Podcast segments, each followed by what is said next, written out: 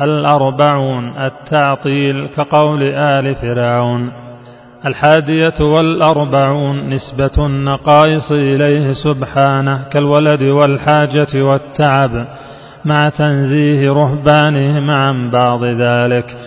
الثانية والأربعون الشرك في الملك كقول المجوس الثالثة والأربعون جحود القدر الرابعة والأربعون الاحتجاج على الله به الخامسة والأربعون معارضة شرع الله بقدره السادسة والأربعون مسبة الدهر كقولهم وما يهلكنا إلا الدار السابعة والأربعون. إضافة نعم الله إلى غيره كقوله يعرفون نعمة الله ثم ينكرونها.